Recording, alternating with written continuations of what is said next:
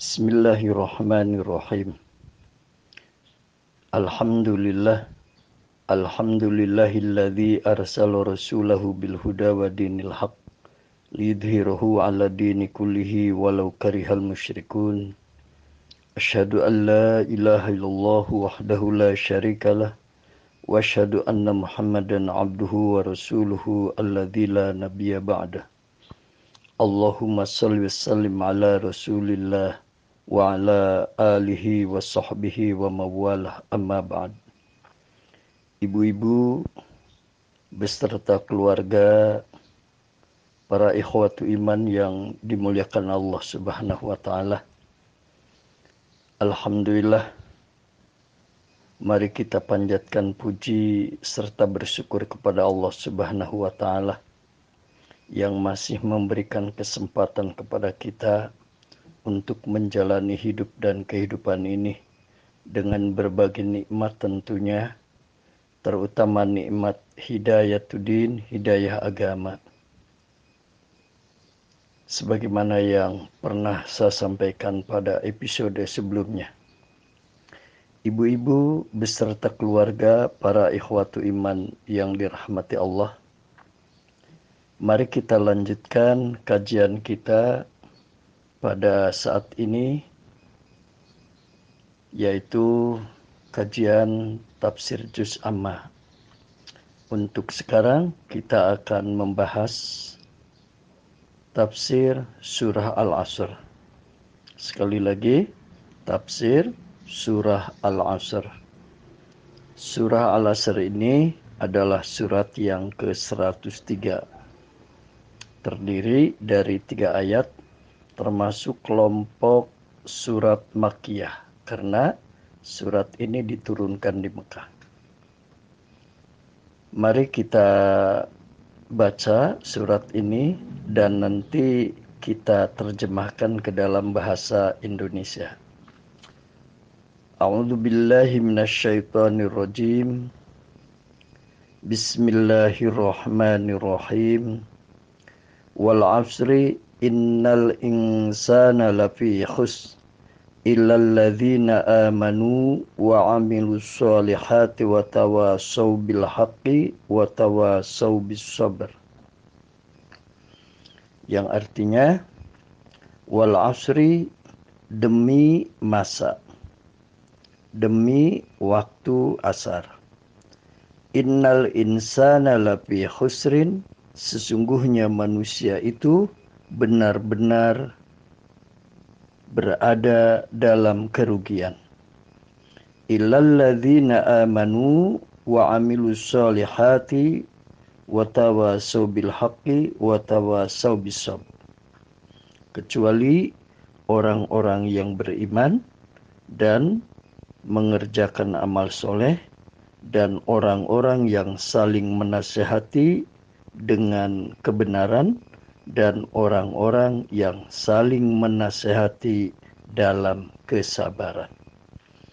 Itu adalah surah Al-Asr beserta terjemahannya.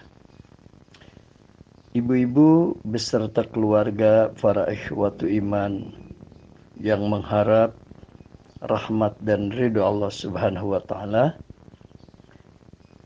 Surat ini diturunkan oleh Allah Subhanahu wa taala kepada nabi kita yang mulia Muhammad sallallahu alaihi wasallam. Ini sebagai jawaban atas kebiasaan-kebiasaan orang Quraisy, kebiasaan-kebiasaan Arab jahiliyah dulu yaitu apabila mereka telah mengadakan perjalanan yang jauh untuk berusaha, untuk berdagang, atau setelah mengadakan kegiatan-kegiatan lainnya, mereka biasanya berkumpul di suatu tempat. Mereka berbincang, kadang-kadang menghabiskan waktu yang lama. Yang ujung-ujungnya dalam perbincangan itu, kadang-kadang mereka mencela waktu dan juga kadang-kadang mereka memuji waktu. Maka turunlah firman Allah surat Al-Asr ini. yang artinya al-asr adalah waktu yaitu Allah eh, menyampaikannya dalam bentuk kalimat kosam yaitu sumpah wal asri demi masa Allah juga sering bersumpah dengan waktu yang lain. Kalau wal asri artinya demi masa atau demi waktu asar. Dalam ayat-ayat dan surat yang lain, Allah sering bersumpah dengan waktu, misalnya wadduha, demi waktu pagi walaili demi waktu malam wan nahari demi waktu siang wal fajri demi waktu fajar yaitu waktu subuh Kenapa? Apa tujuan Allah bersumpah dengan waktu? Maksudnya adalah agar kita harus harus memperhatikan waktu agar kita dapat memanfaatkan waktu dengan sebaik-baiknya agar kita tidak termasuk ke dalam orang-orang yang hidupnya berada dalam kerugian. Ibu-ibu beserta keluarga ikhwatu iman yang dirahmati Allah, kata waktu menurut Kamus Besar Bahasa Indonesia itu adalah seluruh rangkaian saat baik yang telah berlalu, yang sedang berlangsung, atau saat-saat yang akan datang. Itu adalah waktu. Sekarang pun kita sedang melakukan kajian. Ini adalah rangkaian saat yang sedang berlangsung. Juga ini disebut waktu. Ibu-ibu yang dirahmati Allah, waktu memiliki dua sifat. Yang pertama, waktu bersifat netral. Sekali lagi, waktu bersifat netral. Maksudnya apa? Waktu tidak terikat oleh waktu kesialan atau waktu keberuntungan, tidak waktu itu netral. Jadi tidak ada waktu sial, waktu keberuntungan, waktu baik, waktu buruk, tidak ada. Waktu itu netral dari perkara-perkara yang demikian. Pantas kalau junjungan kita Nabi Muhammad Sallallahu Alaihi Wasallam melarang kita umatnya untuk mencela waktu. Kita tidak boleh mencela waktu. Kemudian bagaimana waktu menurut Al-Quran? Paling tidak ada empat yang berkaitan dengan waktu di dalam Al-Quran. Yang pertama disebutnya ad-dahru. Disebutnya apa? Ad-dahru. Ad-dahru adalah rentang waktu yang panjang. Ad-dahru adalah masa yang sangat panjang. Sebagaimana firman Allah di dalam Al-Quran surah Al-Insan. Atau ada juga yang menyebut surat Ad-Dahar. Surat Al-Insan, surat yang ke-76 pada ayat yang pertama. A'udzu billahi minasyaitonir Bismillahirrahmanirrahim. Hal ata 'alal insani hinum minad dahri lam yakun syai'am madhkura. Yang artinya, bukankah telah pernah datang, pernah telah terjadi kepada manusia? Hinum minad dahri yaitu suatu rentang waktu atau masa. Lam yakun syai'am madhkura sedangkan ia ketika itu belum merupakan sesuatu yang dapat disebut. Artinya karena manusia pada saat itu belum ada. belum ada di alam jagat raya ini atau mungkin manusia masih berada dalam alam alam arwah. Nah, itu masa itu adalah sekali lagi rentang waktu yang sangat panjang. Sedangkan yang kedua, waktu di dalam Al-Quran disebut al-waktu juga. Itu tercantum dalam surah An-Nisa, yaitu surah yang keempat ya. An-Nisa adalah surah yang keempat, ayat yang ke-103. A'udzu billahi minasyaitonir rajim. Inna sholata kanat 'alal mu'minina kitaban mawquta. Sesungguhnya salat adalah kewajiban bagi orang-orang yang beriman dengan waktu-waktu yang telah ditentukan. Di situ ada kata-kata kitaban mauquta, waktu-waktu yang telah ditetapkan. Yang kedua ini yaitu al-waktu artinya ada awal, ada akhirnya. Seperti di dalam ibadah sholat, waktu sholat duhur. Ada awalnya, ada akhirnya. Kapan awalnya waktu sholat duhur? Yaitu pada saat tergelincirnya matahari. Min zawali syams mulai dari tergelincirnya matahari sampai kapan? Nah, waktu sholat duhur ini adalah sampai datangnya waktu asar. Yaitu sampai bayangan suatu benda atau bayangan kita sama atau lebih sedikit. Maka itu berakhirnya waktu duhur dan mulai masuknya waktu asar. Atau juga dalam kehidupan dalam dunia pendidikan ada orang tua yang mau menyekolahkan anaknya, ia bertanya pada saudaranya, "Eh, kalau sekolah ini kapan pendaftarannya?" Nah, temannya menjawab, "Pendaftarannya mulai bulan Maret sampai dengan bulan awal bulan Juli misalnya." Nah, itu adalah waktu awal dan akhirnya. Kemudian yang ketiga, di dalam Al-Quran Allah menyebut waktu dengan Al-Ajal. Al-Ajal itu adalah waktu juga. Hanya Al-Ajal itu adalah akhir dari suatu waktu yang telah ditentukan. Sebagaimana firman Allah dalam surah Yunus, uh, surah yang ke-10, ayat yang ke-49. A'udzu. Likulli ummatin ajal.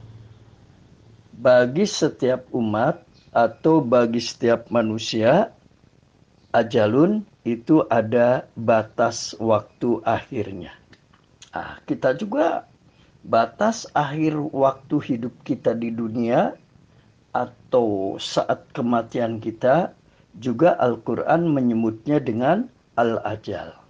Contoh dalam satu ayat disebutkan, Ida ja'a ajaluhum la yastakhiruna sa'atan wa la yastakdimun. Apabila telah datang kepada mereka, apabila telah datang ajal mereka, la yastakhiruna sa'atan, Allah tidak akan mengakhirkan sedikit pun wala yastakdimun dan tidak bisa memajukan. Itu adalah al-ajar akhir dari suatu waktu. Allah juga sering menyebutkan ila ajalim musamma sampai batas waktu yang telah ditentukan. Itu adalah kata ajal. Dan yang keempat, waktu Allah menyebutnya dalam Al-Quran dengan al-asr, yaitu ada di dalam surat yang sedang kita kaji sekarang ini pada ayat yang pertama wal asri artinya pertama demi masa demi waktu dan yang kedua artinya para mufasir ada yang mengartikan demi waktu asar nah, itu adalah al asr Kenapa disebutkan demi waktu asar? Karena waktu itu waktu yang sangat kritis, waktu yang sangat penting untuk diperhatikan dan untuk dilaksanakan. Kalau manusia sudah berusia di atas usia 50 tahun, nah ini hendaknya memanfaatkan sisa umur kita menjelang ajal tiba dengan sebaik-baiknya, yaitu dengan mengisinya melalui amal-amal soleh dan kita berusaha tentunya meninggalkan amal-amal yang salah. Agar kita pada saat dipanggil pulang oleh Allah, pada saat ajal tiba, kita tidak menyesal dan tidak menjadi orang yang rugi. Kenapa? Karena pada ayat berikutnya, ikhwatu iman, Allah menegaskan innal insana lafi khusrin. Sesungguhnya manusia sungguh ada dalam kerugian. Di dalam ayat yang kedua ini diawali dengan kata inna. Inna litaukid artinya adalah untuk penegasan. Kemudian sebelum huruf fi juga adalah innal insana la la fi khusrin. La itu juga litaukid artinya sebagai penegasan. Jadi di sini ada dua sesungguhnya. Inna artinya sesungguhnya, la juga, lafi sesungguhnya juga. Innal insana sesungguhnya manusia, lafi sungguh fi berada dalam husrin kerugian. Uh, kalau dalam kaidah bahasa Arab biasanya disebut kalau ada double taukid yaitu penegasan dan penegasan lagi itu adalah mengandung faidah tankiriyah yaitu untuk menegaskan untuk meyakinkan orang agar orang yang tadinya ragu menjadi yakin yang tadinya tidak yakin pun menjadi yakin, yang sudah yakin menjadi lebih yakin. Bahwa sesungguhnya manusia lafi husrin sungguh berada dalam kerugian. Ibu-ibu beserta keluarga, para ikhwatu iman yang dirahmati Allah Subhanahu wa taala, kenapa manusia menjadi rugi? Kenapa kita berada dalam kerugian. Yaitu apabila kita tidak mengisi waktu dengan hal-hal yang bermanfaat. Ayat ini senada dengan peringatan Rasulullah Shallallahu Alaihi Wasallam dalam sebuah hadis yang diriwayatkan oleh Imam Bukhari ya dari Ibnu Abbas. Hadis ini sahih. An Ibni Abbasin radhiyallahu anhuma qol Qala Rasulullah sallallahu alaihi wasallam Ni'matani maghbunun fihima kasirum minan nas as-sihhatu wal farud Telah bersabda Rasulullah sallallahu alaihi wasallam ni'matani magbunun fihi ma kasirum minan nas ada dua nikmat yang sering dan disia-siakan oleh kebanyakan manusia. Apa itu? As-sihatu satu nikmat sehat wal farogu dan yang kedua adalah nikmat berupa waktu luang yang diberikan kepada manusia. Kemudian juga Ali bin Abi Thalib, sahabat Ali bin Abi Thalib juga menyatakan kepada kita, memperingatkan kepada kita, ma fata kal yaum min rizki yurja godan audatah. Wa ma fataka minal umri la yurja roj'atah.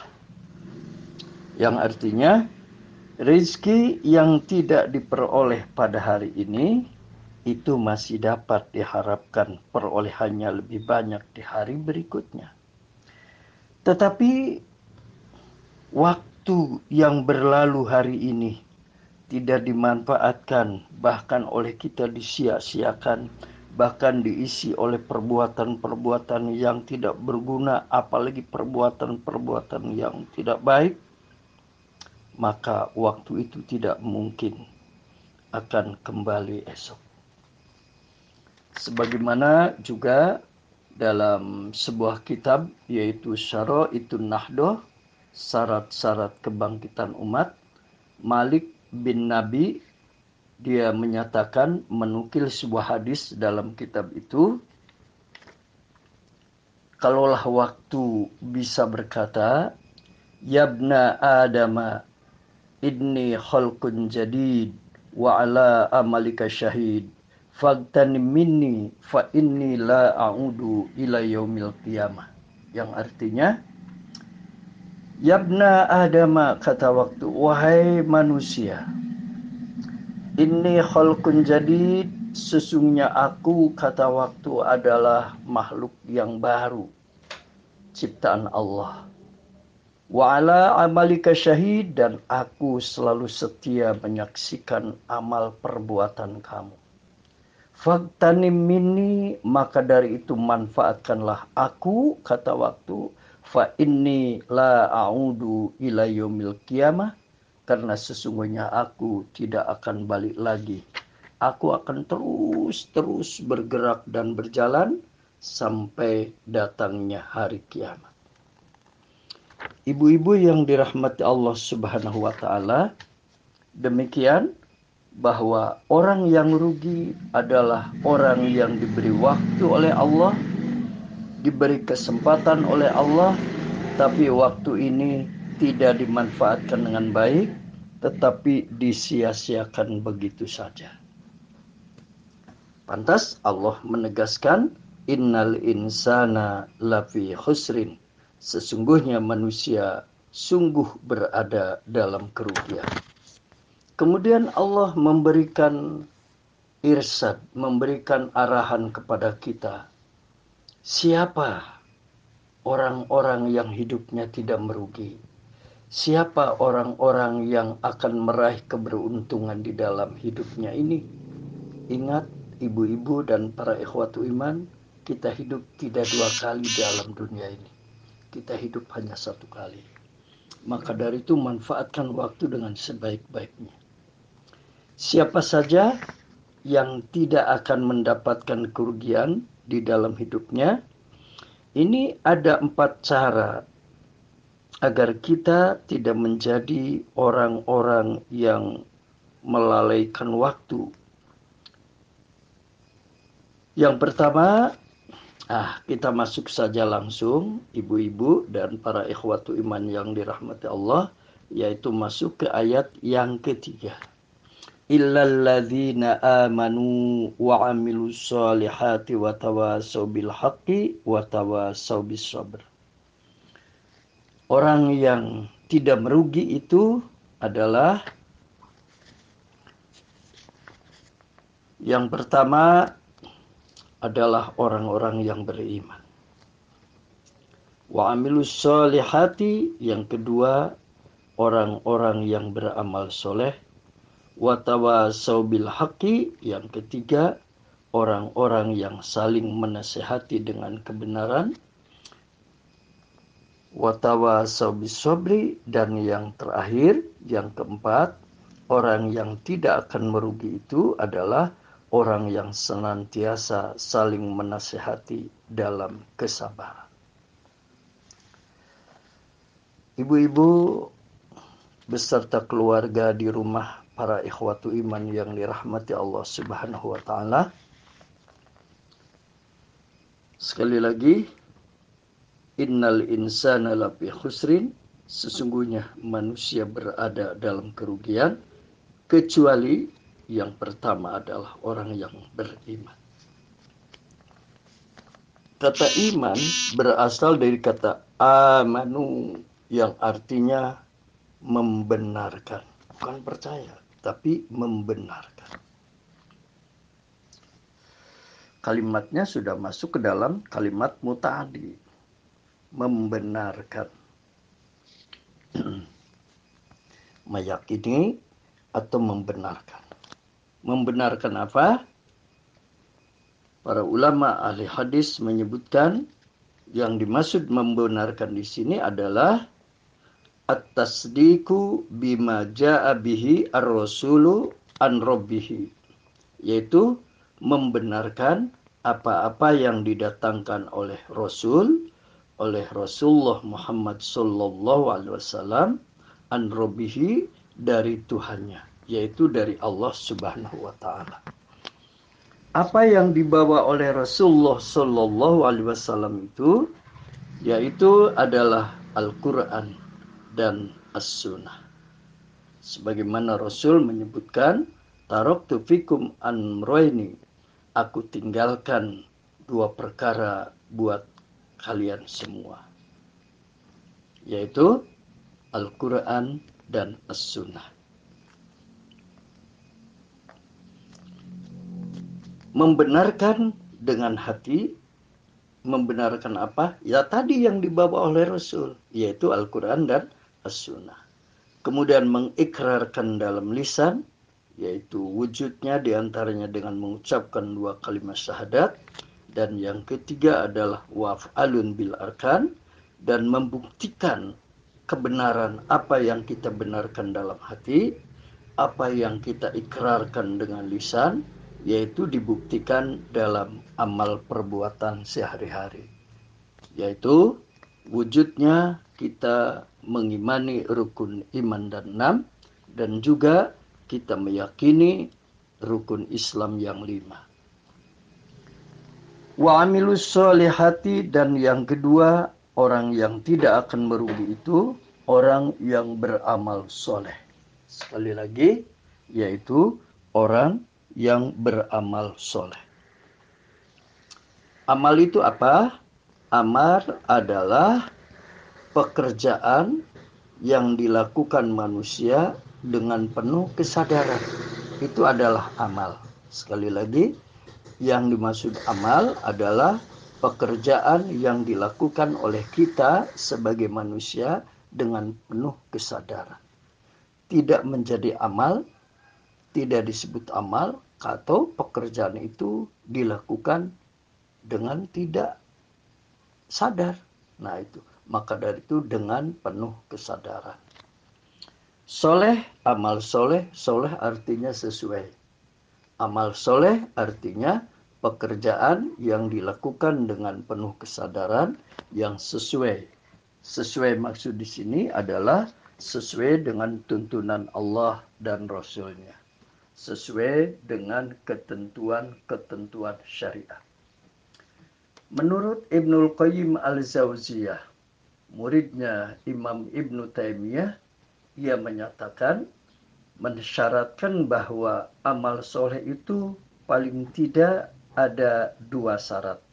Yang pertama, dilakukan dengan keikhlasan, dilakukan dengan hanya semata-mata mengharapkan semata-mata karena Allah, mengharapkan keriduan Allah, mengharapkan rahmat Allah, dan yang kedua, prakteknya itu adalah mutaba'ah.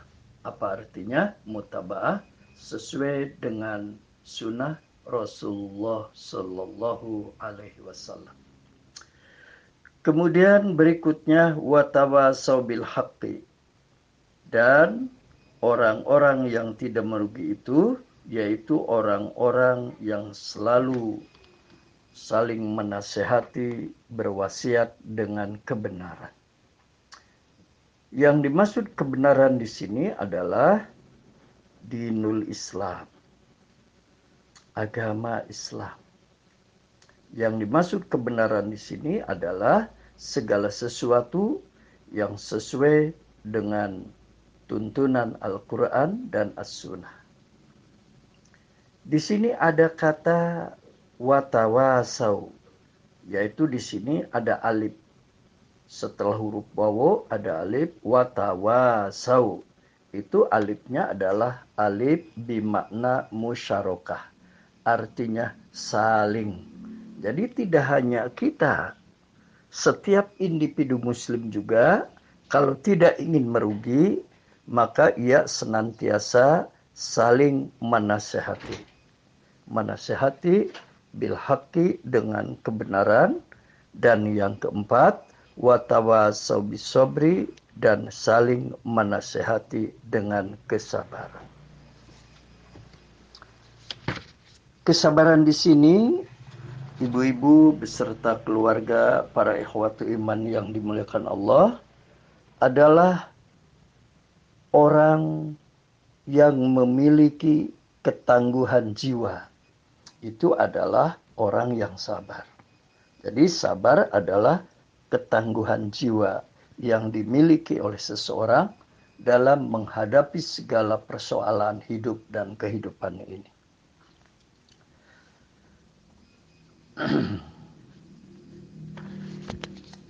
Paling tidak, ikhwatu iman yang dirahmati Allah, sabar di sini ini ada empat jenis kesabaran. Yang pertama adalah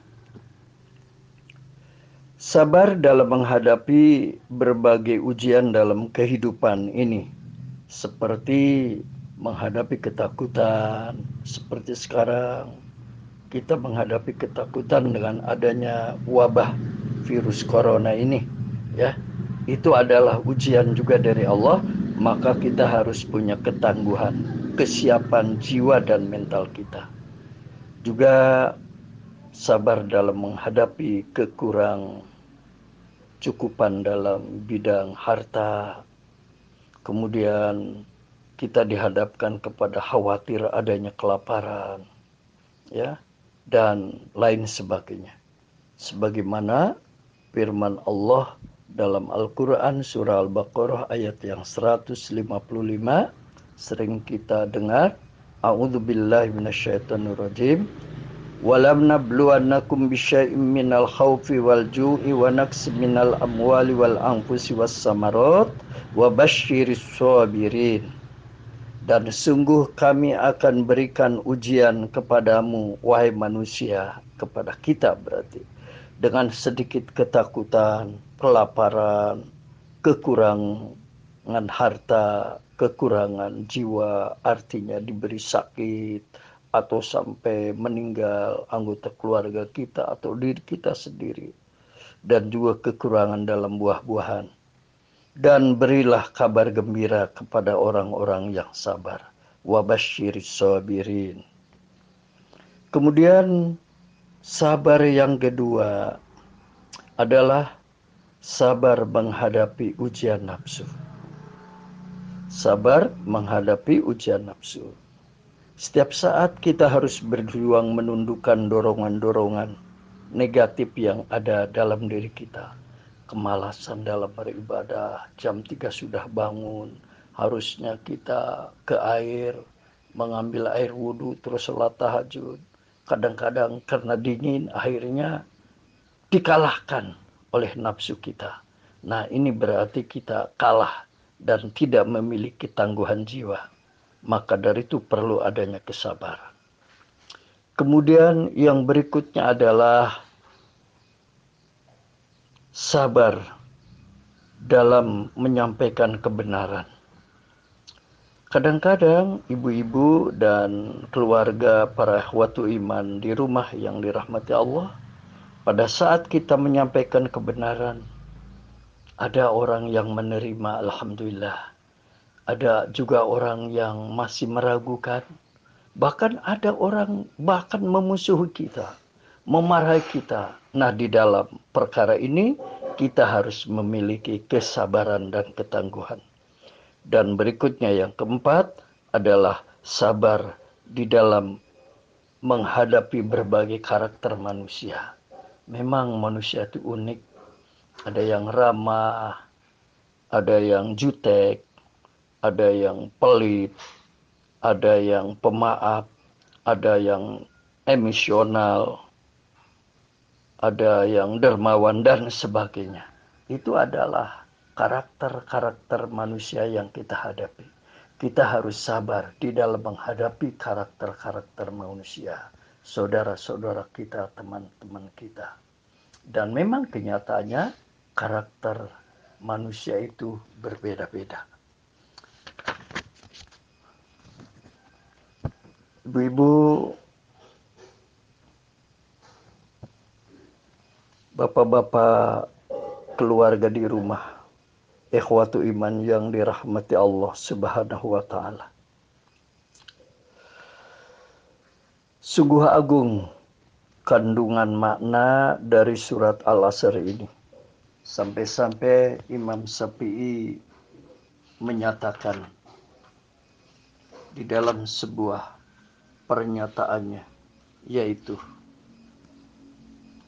mandabbaro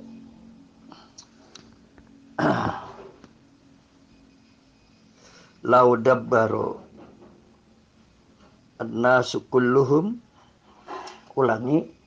Lau dabbarun nasu kulluhum fi suratis fi hadhihi surah lakafathum ulangi.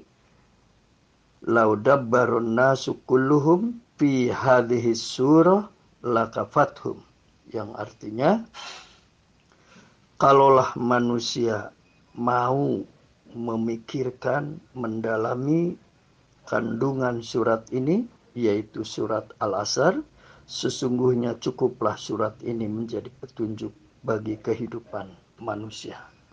Itu saking agungnya isi kandungan surat ini, Imam Syafi'i menyatakan demikian. Kesimpulannya, marilah kita semuanya menjadi orang-orang yang beruntung dalam hidup ini, tidak menjadi orang yang merugi. Pertama adalah kita berusaha memiliki iman yang benar, yaitu berdasarkan ilmu. Yang kedua adalah kita mengamalkan ilmu berupa amal soleh. Yang ketiga adalah mendakwahkan ilmu, menyampaikan kebenaran kepada saudara-saudara kita yang lain, kepada istri kita, anak-anak kita, dan kepada suami kita, kepada tetangga kita, dan saudara-saudara kita semua. Dan yang terakhir, memiliki kesabaran. Sabar dalam mencari ilmu, sabar dalam iman, sabar di dalam mengamalkan amal soleh, mengamalkan ilmu, kemudian sabar dalam mendakwahkan ilmu. Demikian semoga bermanfaat. Billahi taufiq wal hidayah. Rabbana atina fid dunya hasanah wa fil akhirati hasanah wa qina adzabannar. Walhamdulillahi rabbil alamin.